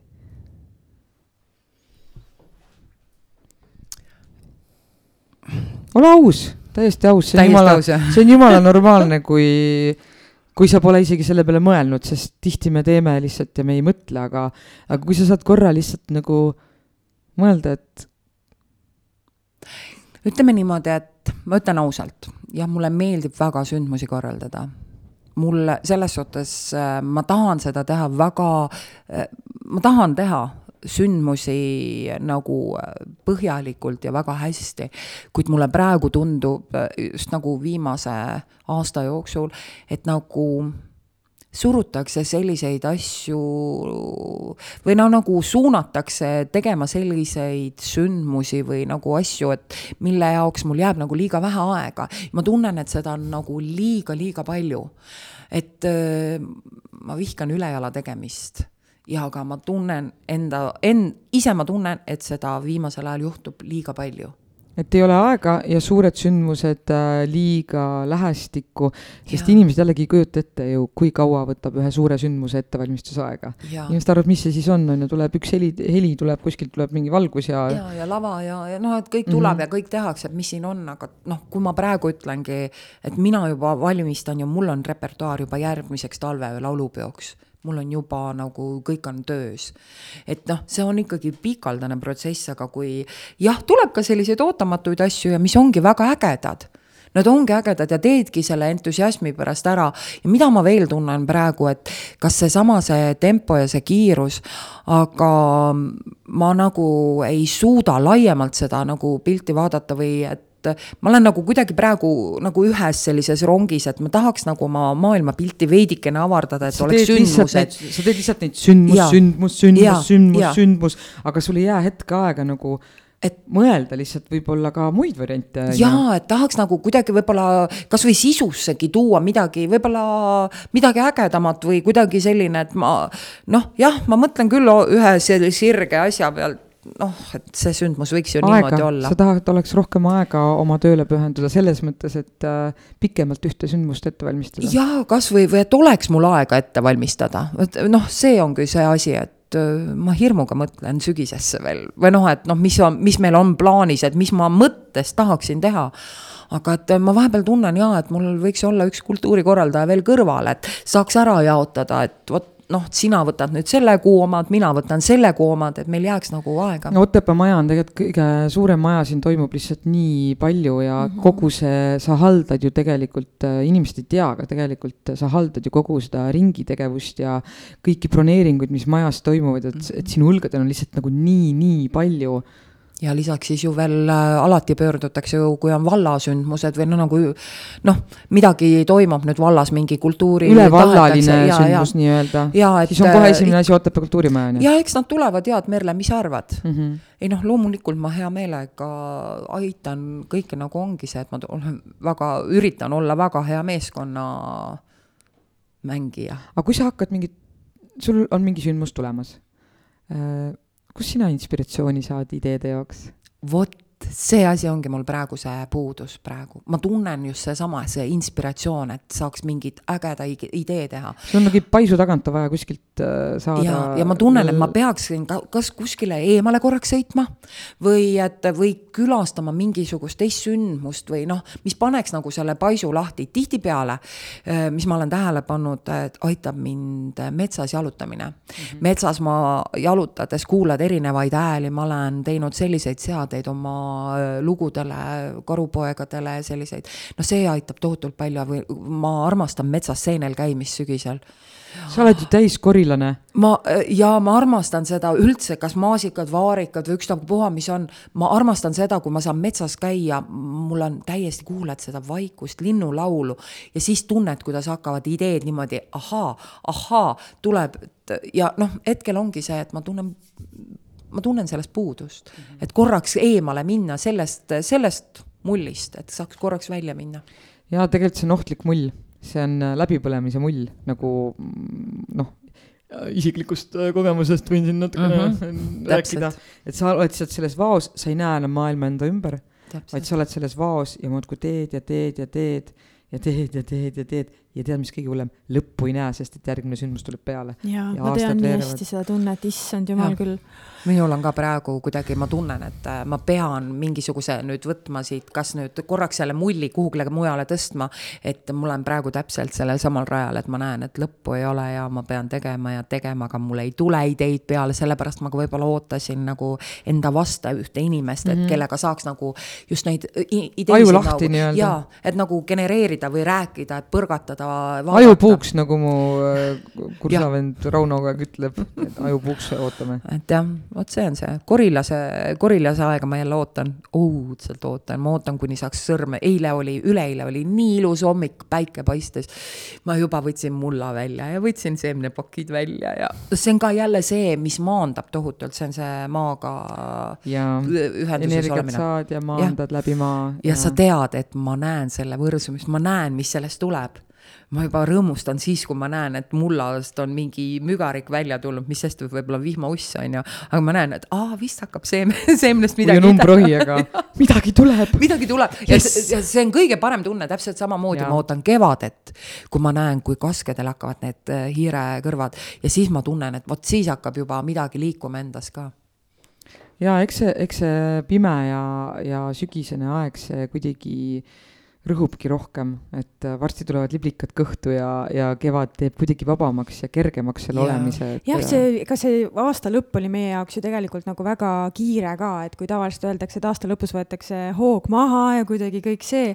kultuurikorraldajal ongi alati kiire, aasta lõpp on kõige kiirem aeg. Äh, siis ja. oli ikka päris crazy, mis, mis tempo meil, mis, mis tempo meil tegelikult seal kuskil oktoobri algusest nagu peale tuli ja ja, ja noh, tegelikult oligi, et noh, jõulud olid seal vahel, on ju, mõned päevad ja, ja noh, aasta algas juba üsna tempokalt või noh, mitte üsna, vaid mm -hmm. väga tempokalt mm, -hmm. sest mhm. meil oli vaja talveöö laulupidu ära korraldada ja, ja see oli ju väga suurejooneline projekt, et ei olegi olnud nagu sellist hingetõmbeaega aga ei, see, ma, ma selle kalendri kohta ka vaatad, et jah, et vaatad, et kiire aasta lõpp ja siis vaatad korraks kalendrisse, et oo, et noh, et jaanuar, et hea küll, see talveöö laulupidu on ju, et muid asju ei pane, veebruar on ka selline mõnus hõre, et saab nagu teha ja siis, kui aasta algab mm -hmm. ja siis vaatad, kuidas täitub kalender nagu lapitekk, tukk-tukk-tukk-tukk, erinevad asjad, koosolekud, sündmused, ettevalmistamised, sellised. ja siis tunned küll, et juhe oleks võinud kohe seinast välja tõmmata, nii et aga kui jätta nagu korraks kõrvale lihtsalt selle kogu selle töövao või noh, see võib ka tööga seotud olla, kas sul on midagi nagu, millest sa veel unistad, mida sa tahaksid oma elus teha või ma ei tea, kas käia kuskil või, või kas või veel midagi õppida või, või midagi teha, mingi idee, võib-olla mingi projekt võib-olla või mingi unistus, mida sa julged meiega jagada nii äge, nüüd, nüüd sa sellest ideest ja projektist rääkisid. jah, unist-, äkki ongi see, et kui ma nüüd sellest unistusest räägin, et äkki vaata läheb lendu. kõige ohtlikum ongi see. on ju, sa... aga see, see on minu unistus. räägi. mul on tegelikult kaks unistust, et Räägi kuna mõlemast. meil on äh,, tahaks me, me kõik pingutame, isegi lapsed pingutavad selle nimel, et me saaksime mehega koos minna oma kahekümne viienda pulma aastapäeva reisile ja me tunneme, et see juhtub. Aga see suurem unistus, mis meil on, mis minul on, ma tahan tuua Linnamäe orgu Andrei Rieu see sümfooniaorkestri wow no mina olen selle unistusega kursis, jah. ma olen seda lennutanud ja. räägi sellest lähemalt see oleks nagu selline, kui te Youtube'ist trükite või sisse selle Andrei Rieu sümfooniaorkester, nad teevad imeilusaid aariaid operettidest ja, ja noh, sümfoon-, täissümfooniaorkester.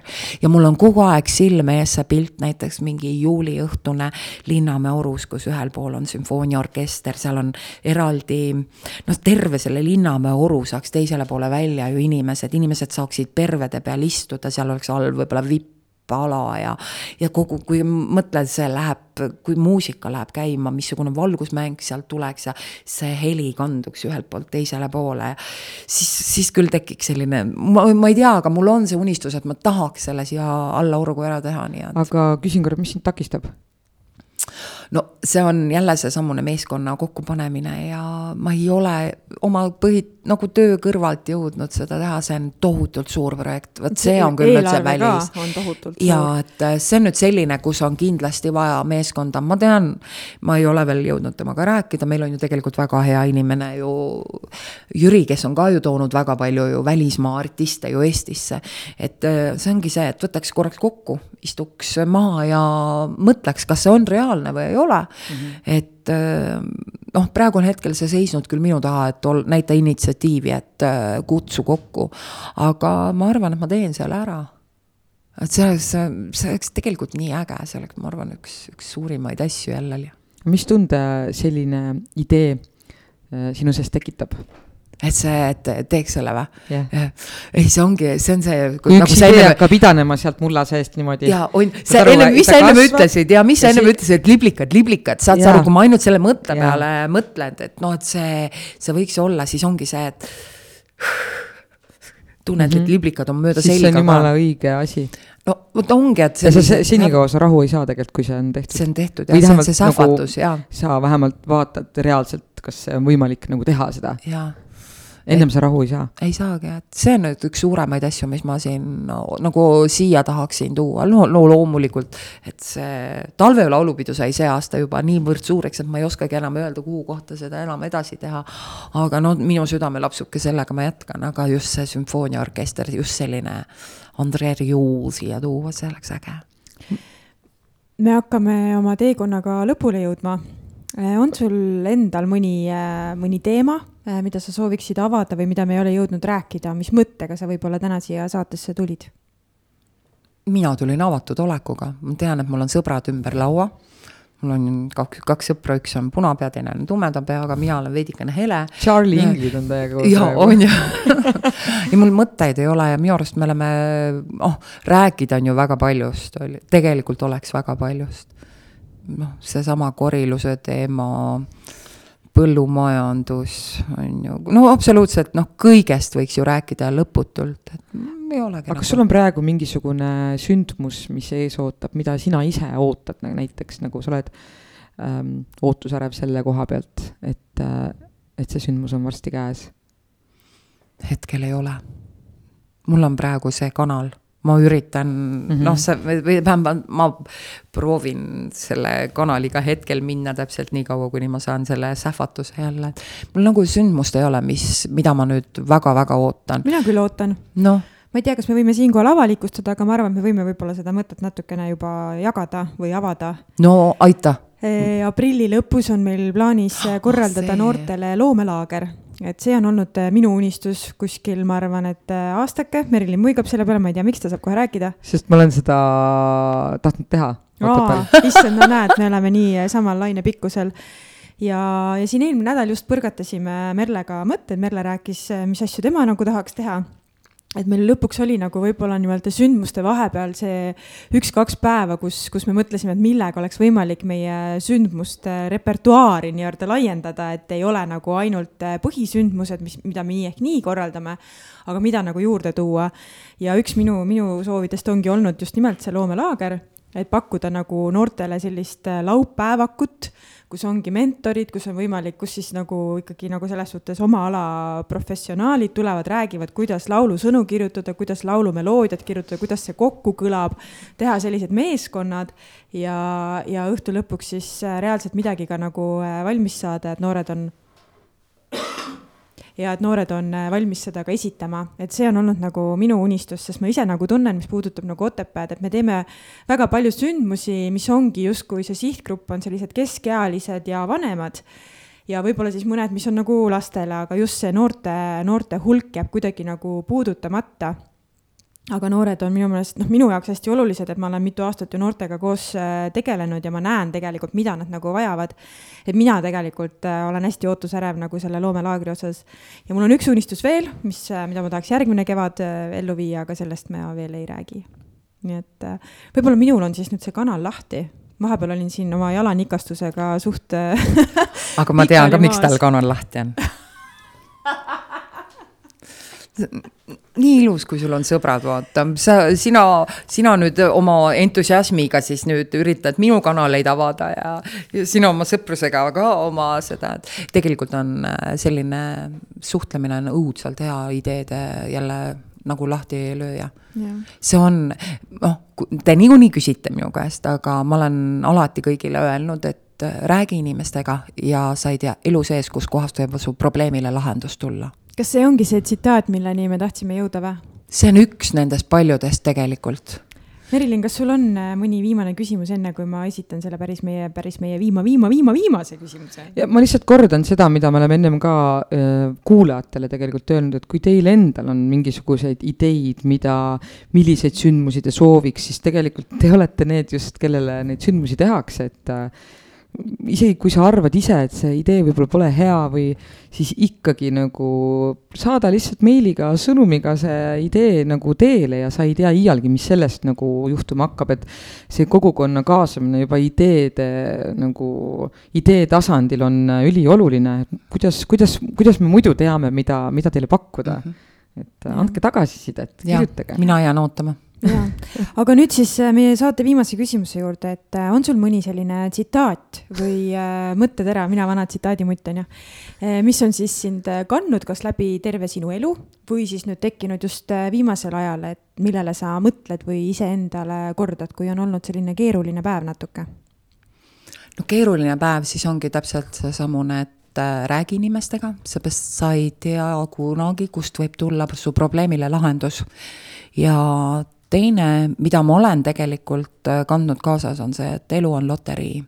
sa mm. pead oskama kaotada mm.. seepärast, et elus ei saa ainult võita, vaid mm -hmm. ongi see kaotus ka, et Vau, see mulle väga meeldib, see jääb mulle kindlasti meelde et see on, need on need selline sest äh, ainult kaotused õpetavad ja arendavad ainult absoluutselt. võidud tegelikult ei anna sulle, korra annavad siukse mõnnatunde, jah, aga naudingu tegelikult ja nagu ongi niimoodi ja. kõik, kõik kuhu edasi nagu. jah, ja Ja kõik algab ju tegelikult sellest hetkest, kui sul on mingi valu, kui sul on mingi kehv kogemus, kui sa oled kuskil negatiivses paigas, et on see eneseareng, on see looming, on see mingisuguste otsuste vastuvõtmine, et kõik toimub tegelikult sellest hetkest, kui on nagu ilge crap olla, noh. see on, kahjuks nii on jah, et looming sünnib tihtipeale siiski läbi mingisuguse valu, mitte Jah. midagi pole Täpselt. teha nagu, aga lihtsalt sa pead kuidagi nagu tajuma seda väga, et, et, et seda valu ei tuleks, et see ei saaks nagu suuremaks osaks sinu elust, et loomeinimestel tihtipeale lihtsalt on see, et kuna su töö eh, on sinu e- eraeluga kuidagi nii põimitud, et sul ei lõpe sellest kellast, siis see valu lihtsalt kandub nagu edasi sinu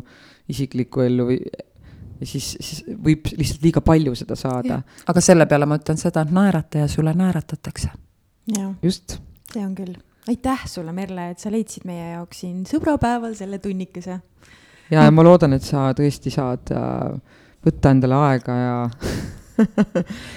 ja, ja ja küll me selle Andre Riu ka siia saame. Mina olen igati sinu meeskonnas. nüüd läks jälle juba, mõte läks lendu, on ju, sinna.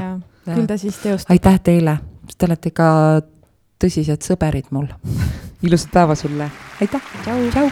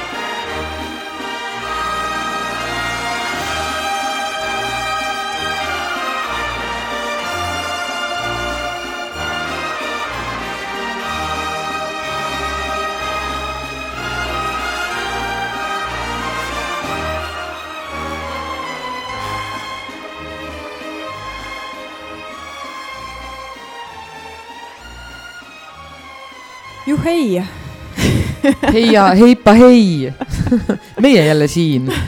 Merle on saadetud tagasi oma majja, et kultuuri juurde toota. loodame, et ta leiab selle kanali siis, kus see inspiratsioonivoog temasse saaks jõuda. no ma eks peab püüan... pakkuma talle võimalikult palju peegeldust, eks ole. jaa et..., ma püüan teda võimalikult palju inspireerida ise ka. et äh, kui ta ütles, et et kuidagi nagu nii palju on, siis ma nagu enda meelest püüan küll teda toetada hästi erinevates sündmustes ja võtta enda kanda ja pidevalt ütlen, et kui sul on midagi, et siis ütle, delegeeri edasi, ma aitan sind, et, et äh, leida seda võimalust, et teda, et temalt see koormus ära võtta, aga, aga tõesti, minu meelest, kui sa vaatad aasta lõikes, siis Otepää kultuurimajas toimub ikka väga palju sündmusi. ja kus teinekord tänaval nagu trehvad ükskord oli, see oli kunagi enne jõule väga, väga, väga palju enne jõule, ma arvan, kunagi novembris äkki panin mingid kümmet plakatit vist sinna teadete tahvlile sinna Elsa kohviku juurde ja siis üks äh, vanem naisterahvas kõndis mööda ja ütles, no et mis siin, mis siin Otepääl siis toimub, et mitte midagi ei toimu ju. ja siis mul oli küll nagu, et vaadake palun seda tahvlit, et meil on nagu, panen praegu kümmet äh, erineva või noh, kümme erineva sündmuse plakatit üles, et tegelikult nagu toimub küll, et minu meelest on nagu Facebooki kanalid on sündmuseid täis, tänavapildis on sündmused, äh, Otepää teatajas on kõik kultuurisündmused, et noh, minu meelest on see nagu väga suur äh, meile liiga tegemine, kui inimesed ütlevad, et ei ole sündmusi. ja, ja inimesed lasevad tegelikult selle vana rasva pealt, et nad tegelikult üldse ei süvene, mis toimub ja, ja nad ei anna nagu võimalust, no ma räägin jällegi sellest võimalusest äh, endale saada mm, -hmm. saamaks osa nagu erinevatest emotsioonidest, mis on just teile mõeldud ja, et minu aga... meelest on nagu infot, infot on küll igal pool ja alati võib ju helistada mulle või Merlele või, või siis nagu vastavate kultuurimajade kultuurikorraldajatele, kes meil siin üle Otepää valla on ja küsidagi, et ma ei tea, mis on lähikuu jooksul toimumas, kui tõesti Otepää teataja näiteks ei käi või internetti ei ole. et kõik, kõik kanalid on ju avatud ja teie jaoks olemas aga siiski tegelikult peab öö, olema tänulik ja kiitma kõiki, kes võtavad osa sündmustest, et öö, tõesti öö, Äh, viimaste aastatega on äh, see kultuurivanker ikka korralikult käima läinud ja, ja inimesi tuleb aga juurde ja juurde, et äh, aitäh teile kõigile. jah, et noh, kui me vaatame seda, kui palju oli Valgamaa tantsupeol rahvast või talvepealinna pidustuste ajal või noh, näiteks see, mis jaanuaris see talveöö laulupidu oli, et see oli ikka metsik mass, mis oli kokku tulnud, et see näitab, et tegelikult info jõuab inimesteni. muidugi jõuab. reklaam jõuab inimesteni. selles ei ole üldse küsimust. et võib-olla on siis nagu küsimus selles, et kas siis nende sündmuste temaatika, kas siis ei, ei kõneta või ei puuduta või, või ei taha nagu tulla, et äh, selle jaoks jällegi alati võite meile kirjutada, helistada, et mis äh, milline on see sündmus, kuhu sina tahaksid kohale tulla või mis sind huvitaks, et? no tegelikult on ka see, et inimestel on lihtsalt nii palju muud teha, et neil on lihtsalt nii hea öelda mingeid asju, et nagu see ei paku talle huvi, aga tegelikult ma arvan lihtsalt inimesed käivad tööl ja siis äh, vaatavad telekat ja käivad mm -hmm. ja kui mhm. tahavad kuskil veel Otepäält väljas käia kontserdil mingisugusel mis iganes sündmusel ikka nagu käivad, ega see ei ole ju keelatud selles mõttes.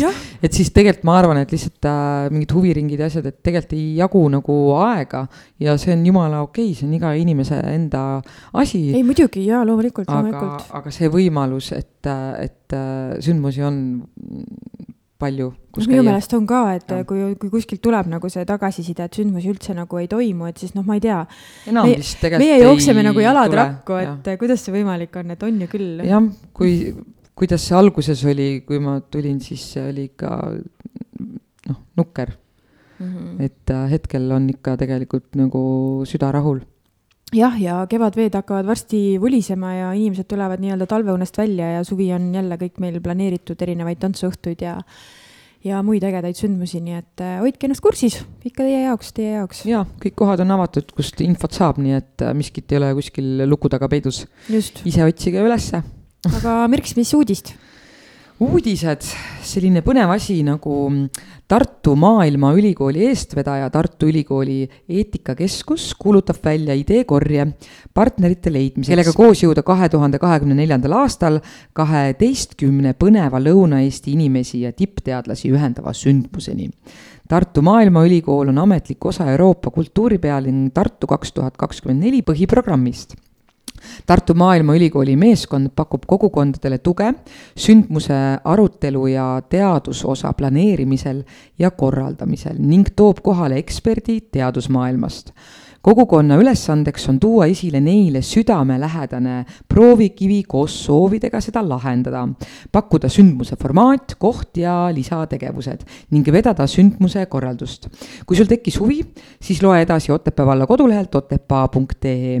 sooviavaldusi oodatakse kahekümne esimese märtsini, vormi leiad eetikakeskus.ut.ee ja sealt siis Tartu Maailmaülikool otsib partnereid geenipõhikool otsib loodusainete õpetajat asenduskohana. tööülesanneteks on bioloogia, keemia, geograafia ja loodusõpetuse õpetamine põhikooli teisele ja kolmandale kooliastmele, kokku seitseteist kontakttundi nädalas. palume esitada motiveeritud avaldus ja CV koos kvalifikatsioonile vastava lõputunnistuse ning akadeemilise õiendiga kahekümne kaheksandaks veebruariks. kas siis äh, geenipõhikooli aadressil Äh, või kooli T2 Geeni Otepää vald või siis e-posti aadressil direktorat geeni.edu.ee. rohkem infot leiate Otepää valla kodulehelt otepaa.ee. tööle asumise aeg on seitsmes märts Otepää vallavalitsus pakub tööd majandusteenistuse juhatajale. töö täpne kirjeldus, ülesanded, nõuded kandidaadile on leitavad Otepää valla kodulehelt otepaa.ee, kes veel pole kuulnud, otepaa.ee ja kandideerimiseks palutakse saata hiljemalt kahekümne kaheksandaks veebruariks avaldus koos kinnitusega, et ei esine ametniku teenistusse võtmist välistavaid asjaolusid. CV ja motivatsioonikiri ning haridust tõendava dokumendi koopia e-posti aadressile vald.otepaa.ee ja kui on lisainfot, siis saate küsida telefonil viis null kolm kaheksa viis üheksa üheksa, abivallavanem Raivo Kalda. Ja head kuulajad, tänavu aasta toimub Puka öölaulupidu augustikuus juba viieteistkümnendat korda. Ja neliteist aastat on siis Otepää hoidnud au sees koorilaulu, ühislaulmist ja loomulikult muusikat ja nagu me kõik teame, siis laulmine on alati olnud üks osa eestlaste pärimuskultuurist, aga kuna ükski laulupidu ei saa toimuda ilma koorilauljate ja publikuta, siis just, äh, siis soovimegi, et just teie, armsad inimesed, kujundaksid meie selleaastase juubeli laulupeo repertuaari. selleks ma palun jagada meiega enda eestikeelset lemmiklugu, kirjuta see mulle aadressil kaidi.pajumaa.otepaa.ee, mida sina just soovid augustikuisel Puka öö laulupeol kuulda ja muidugi muidugi, millele soovid siis kaasa laulda. žürii valib välja kakskümmend parimat lugu, millele korraldame hääletuse ning viisteist kõige rohkem hääli saanud laulu tulevadki üheksateistkümnendal augustil tänavu aasta Puka öölaulupeol esitlusele vastuseid ootan siis kuni kümnenda märtsini ja tõesti, armsad äh, inimesed, et võtke, võtke osa sellest äh, üleskutsest, et äh, kui me istusime siin laulupeo korraldusmeeskonnaga laua taga ja mõtlesime, milline see repertuaar võiks olla siis sündiski selline idee, et äh, sünnipäeva puhul äh, võiks just inimesed öelda, et milliseid laule nad tahaksid sellel öölaulupeol kuulda, et äh, nagu ikka, me kogu aeg siin kordame, et sündmused ongi teie jaoks, et miks mitte siis koos luua selline lahe laulupidu augustikuu sumedal õhtul, et et kirjutage mulle ja leiame need viisteist kõige lemmikumat üles ja teeme ühe korraliku laulupeo nii, vaatame, mis kultuurisündmustes äh, toimub. Otepää Kultuurikeskused kuulutas jaanuaris juba välja konkursi Otepää valla riimkroonika kaks tuhat kakskümmend kaks. konkursi eesmärk on innustada inimesi ennast väljendama ja neid ümbritseva eluolu kohta arvamust avaldama. lisaks jäädvustame seeläbi ka Otepää valla ajalugu. konkursi korraldamiseks on andnud inspiratsiooni Oskar Kruus oma samanimelise luuleteosega samuti iga-aastane Otepää valla jõuluvanade kokkutulek, kus äh, lauldakse vanal heal viisil möödunud aasta põletavatel teemadel. Ja rimkroonika sisu ja tingimused võiksid olla, et ähm, ümbritseva eluolu kajastus, kirjutaja jaoks olulised teemad, teemade positiivsed ja negatiivsed küljed, autor võib esitada ühe ja, või mitu luuletust, vanuseline piirang puudub, laekunud tööde hulgast valib žürii kolm paremat ning lisaks antakse eriauhindu. tänusündmus toimub aprillis kaks tuhat kakskümmend kaks ja luuletused siis saata e-postile kaidi.pajumäe.otepaa.ee hiljemalt kolmekümne esimeseks märtsiks ja palun tõesti, üsna vähe on laekunud. Tahaks ikka seda sündmust äh, korraldada, nii et äh, olge agarad äh, luuletusi vorpima, et veel on poolteist kuud aega, et neid luuletusi meile saata. ära unusta oma töö juurde siis lisada enda nimi, vanus ja kontaktandmed ja rohkem siis, kui soovite rohkem infot, siis äh, kirjutage mulle kaidi.pajumäe.otepaa.ee või helistage numbril viis kolm nelikümmend kaks kaheksa kaks kaheksa. ei saa just öelda, et äh, teemasid vähe oleks, millest kirjutada, nii et äh, laske ka sulg lippama. aga neljapäeval, seitsmeteistkümnendal veebruaril toimub Puka kultuurimajas kell, kell kuus õhtul Quillingu töötuba ja see on tasuta. Quilling ehk paberi filigree on kunst, milles keeratakse, vormitakse ja liimitakse kokku paberiribasid, et valmistada ehteid, kaarte, 3D kujukesi ja nii edasi. ja lisainfot saab kultuurikorraldajalt Katrin Uhvertilt äh, viis, viis, viis, kolm, kolm, viis ja kuus, neli reedel, kaheksateistkümnendal veebruaril äh, Otepää kultuurimajas kell üheksateist null null kontsert Naised köögis, üks kõigi ja kõik ühe eest. naised köögis põimivad kokku vanu ja uusi laule, nad kaasajastavad rahvalaule ja laulavad kaasaegsed laulud rahvalikumaks. Nende laulud on ise tehtud ja emakeelsed ning sinna on kirjutatud nelja naise elukogemus ja tundekeel. Eesti saja neljanda sünnipäeva puhul püüame koos lauldes ilusa hetke kinni, saadame head soovid teele ja tõdeme õlg õla kõrval rõõmus ja mures siin linnutee tuules, üks kõigi, kõik ühe eest. piletid äh, saab äh, osta Fientast, fienta.com, Otepää kultuurimajast, Otepää turismiinfokeskusest ja Otepää kultuurimajast ka koha pealt tund enne kontserdi algust. lisainfot ähm, kultuurikorraldajat Merle Soonbergilt viis kuus kuus kaks kuus neli kaheksa üks laupäeval, üheksateistkümnendal veebruaril Nõuni rahvamajas kella kuuest õhtul kuni kaheksani õhtul toimub Nõuni Haridusakadeemia esimese semestri programm. loengut annab Anu Noorma ja teemaks on siis seekord Eesti teaduse edulood on põhjust uhke olla. osavõtt on loomulikult tasuta ja kes soovib lisainfot, siis Facebooki lehel Nõuni Haridusakadeemia. Pühapäeval kahekümnendal veebruaril toimub neljakümne kaheksas Tartu maraton kell üheksa nelikümmend viis. Otepää-Elva, start on Tehvandi spordikeskusest. Mm, lisaks traditsioonilistele Otepää-Elva kuuskümmend kolm kilomeetrit ja Arula-Elva kolmkümmend üks kilomeetrit distantsidele on igal aastal Tartu maratoni kavas ka avatud rajasõidud, teatemaraton ning üritused lastele teisipäeval, kahekümne teisel veebruaril toimub Puka kultuurimajas kell kaheksateist null null. meie olime, meie tuleme, meie jääme ehk siis Eesti Vabariigi saja neljandale aastapäevale pühendatud kontserdiõhtu. lisainfo kultuurikorraldajad Katrin Uhvertilt telefonil viis, viis, viis, kolm, kolm, viis, kuus, neli. Mm, ma ei saagi minna seda vaatama sellepärast et teisipäeval, kahekümne teisel veebruaril Otepää kultuurimajas kell üheksateist null null Eesti Vabariigi saja neljandale aastapäevale pühendatud sõnalis-heliline rännak kirjades Mõeldes sinule. laval näitleja Merilin Kirbits ja muusik Tobias Tammearu. sündmus on kõigile tasuta ja lisainfot saab siis Merle käest numbril viis kuus kuus kaks kuus neli kaheksa üks. oota, sellele saad ikka minna või? Äh, jaa, ma plaanisin küll ja ma tulen juba vist esmaspäeval äh, kohale kolmapäeval, kahekümne kolmandal veebruaril Sangaste kultuurimajas kell kaheksateist null null toimub Eesti Vabariigi saja neljanda aastapäeva kontsert. esinevad kultuurimaja kollektiivid, pakutakse torti ja kohvi, sündmus on tasuta ja kes soovib lisainfot, siis äh, kultuurikorraldaja Marina Pulveri telefoninumber on viis kolm null null kaheksa kaks kaks kuus neljapäeval, kahekümne neljandal veebruaril vabariigi aastapäeva suur rahvamatkamise päev kell kaksteist null null. loodusturism.ee traditsiooniline Eesti Vabariigi aastapäeva matkapäev kulgeb ka seekord suurejooneliselt. pakutakse matkakorralduses välja kogu temaatika, mida talv võimaldab. see tähendab, toimuvad juhendatud tõukekelgumatkad, uisumatk, suusamatk, räätsamatk ja fätt tõukerattamatk, grupi suurused kuni kakskümmend viis liiget. üksikud huvilised, pered ja gruppi koondunud sõbrad või väiksemad kollektiivid, liituge. liigume üheskoos teie, meie ja vabariigi terviseks, olete kõik lahkesti osalema oodatud.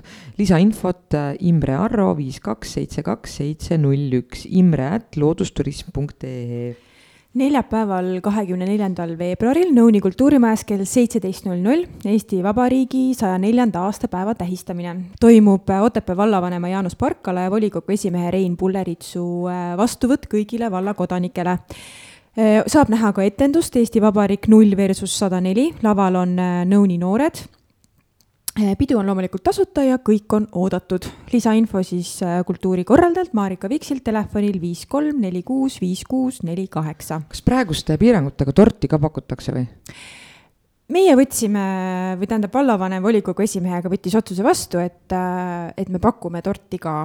kui peaksid nüüd midagi siin lähinädala jooksul väga ulmelist juhtuma, siis, siis me kahjuks pakkuda ei saa, aga siis me mõtleme mingi muu variandi välja. nojah, selles mõttes, ega praegu kohvikud ka ju toimivad selles mõttes, et seal on ja. mingid süsteemid selle järgi, et kuidas saab, aga. eks see süsteem ole siis... ikka vaata sama, et maskid ja tervisenõuded on siin praegu. aga siis te teate vähemalt, et ükskõik kuidas, aga saab suu magusaks igastahes, kui tulete ja, ja ma loodan, et see etendus ka kukub väga vahvalt välja, et, et laval on tõesti väga lahedad äh, nõuni noored ise mängimas äh, nii-öelda noori aastal tuhat üheksasada kaheksateist ja noori aastal kaks tuhat kakskümmend kaks, et äh, kirjutasime koos Lendteatri äh, juhiga Aire Pajuriga kahekesi selle näidendi valmis.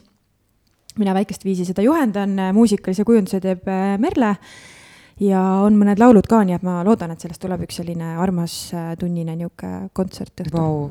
kõlab küll väga hästi igastahes no,. saage loodan... kõik osa, sest saate aru, et see kõik sündmused, mis on, need on esietendused, need ei kordu mitte kunagi, need on tehtud spetsiaalselt selleks päevaks, selleks on harjutatud eks minul, minul nagu selles suhtes käsi väriseb ja jalg tudiseb, et, äh, et ise nagu niimoodi näidend kirjutada ja lavastada ja panna see muu kontseptsioon kokku las, eks ta tudiseb aastake võib-olla veel ja siis enam ei tudise. no loodame ja noh, et kui tulete ja ikka üldse ei meeldi, et siis äh, teadke, et ma ei ole näitekirjanik ega, ega, ega professionaalne lavastaja. ei tohi niimoodi öelda. et pigem nagu teemegi noortega sellist ägedat asja oma valla inimestele. aga see ongi ju põhiline, et äh, ja. kaasata kogukonda, see on kõige tähtsam. seda ma mõtlengi, et tore on ikka. jaa aga tõesti, äh, see kuu on meil siis äh, järjekordne Eesti sünnipäev, nii et äh, mõelge meie Eesti peale ja mõelge, kuidas teie saate Eestile head teha, mida Eesti on teile head teinud, nii et mina olen küll üliõnnelik, et ma olen sündinud Eesti riiki.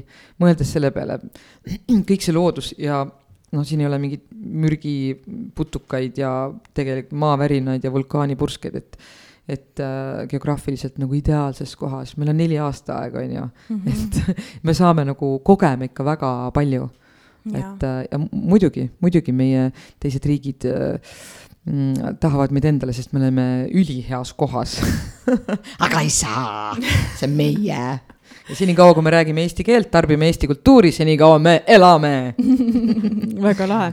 ja kuigi me täna salvestame ju sõbrapäeval ja te kuulate seda saadet, kui sõbrapäev on juba läbi, siis kas ei ole midagi, oma sõpru ja lähedasi tuleb äh, hoida iga päev, mitte ainult üks kord aastas neid meeles pidada, et. just, äh, kinkige meelest... mulle kingitusi iga päev. jah, et äh, minu aadress on Elva aga aitäh, et endiselt meiega olete ja vahvat nädala jätku teile. ja tšau.